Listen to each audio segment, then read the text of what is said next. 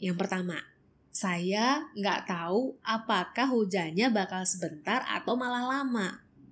Yang kedua, saya ada jadwal meeting pagi ini. Terus yang ketiga nih, pas banget udah lama saya nggak mandi hujan. Anggap aja deh mengenang masa kecil. Nah, kamu juga pernah kan mandi hujan masa kecil dulu?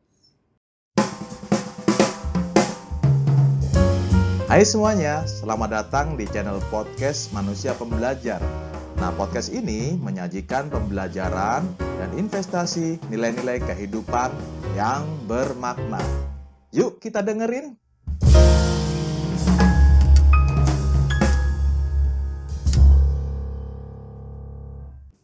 Pagi-pagi subuh tadi, saya memutuskan untuk jogging di luar rumah, meskipun kesannya nih langit kelihatan mendung banget. Saya cuma berpikir, ah, paling cuma mendung aja, nggak akan hujan deh pagi ini. Lalu jogginglah saya dengan target 5 km hari ini. Terus ternyata, baru setengah jalan, tiba-tiba hujan deras. Lalu terus saya sempat kepikiran, apakah saya mending berteduh sambil menunggu hujan reda atau saya melanjutkan untuk menyelesaikan jogging saya pagi ini.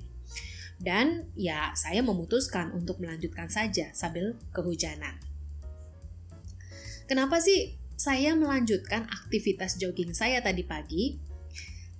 Ada sih beberapa alasan yang mendasar. Yang pertama, saya nggak tahu apakah hujannya bakal sebentar atau malah lama. Yang kedua, saya ada jadwal meeting pagi ini. Terus yang ketiga nih, pas banget udah lama saya nggak mandi hujan.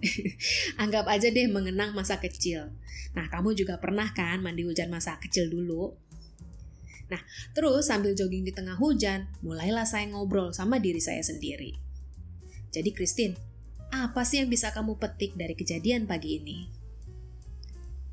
Ternyata perkara kehujanan pas jogging pagi ini mengajarkan saya banyak hal. Pertama, kita itu nggak pernah tahu tentang masa depan. Mungkin kita bisa prediksi, berasumsi dan bisa jadi asumsi dan prediksi kita beda dengan fakta yang terjadi di masa depan. Sama seperti awalnya saya berasumsi ah paling mendung aja, gak bakal hujan. Eh, ternyata hujan. Yang kedua, kita gak mungkin mengendalikan segala sesuatunya. Apalagi masa depan. Yes, kita memang harus merencanakan kehidupan kita. Namun, jangan lupa, ada hal-hal yang mungkin bakal terjadi di luar kendali kita.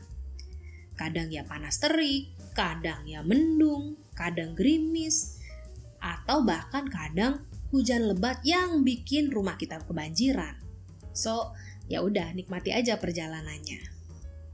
Yang ketiga, fokuslah kepada tujuan, bukan kepada gangguan. Tujuan saya adalah jogging 5 km dan gangguannya adalah hujan tadi. Di sini saya harus memilih menyelesaikan tujuan saya atau saya berhenti untuk berteduh, lalu melanjutkan nanti atau malah balik ke rumah. Sama juga nih dalam hidup kita. Mungkin nanti pas dalam perjalanan kehidupan kamu, kamu ini bakal ketemu berbagai macam gangguan. Entah datangnya dari pasangan, orang tua, anak, atau hal-hal lainnya, atau bahkan dari diri kamu sendiri. Nah, sekarang tinggal kamu putuskan deh, mau fokus kepada tujuan atau beralih fokus kepada gangguan tadi. Yang keempat, belajarlah untuk selalu bersyukur. Ingat, setiap kejadian yang tidak bisa kita kendalikan mungkin akan jadi hal yang gak menyenangkan buat kita. Yang mungkin salah satunya malah bikin kenyamanan kita jadi terganggu nih. Bersyukur membuat kita bisa jadi lebih mudah menjalani kehidupan dan bikin kita punya cara pikir yang lebih sederhana. Nah, kalau kita bisa bikin hidup kita sederhana, maka tentunya kita akan jauh lebih mudah untuk berbahagia. Plus, hal yang kita pikir gak menyenangkan bisa jadi malah mendidik kita jadi orang yang jauh lebih baik dari sebelumnya. Semoga pembelajaran hari ini membuat kita menjadi pribadi yang semakin lebih baik dan semakin bertumbuh sampai akhirnya mencapai sebuah kesuksesan yang Anda impikan. Salam Growth Mindset Indonesia. Leadership is fun.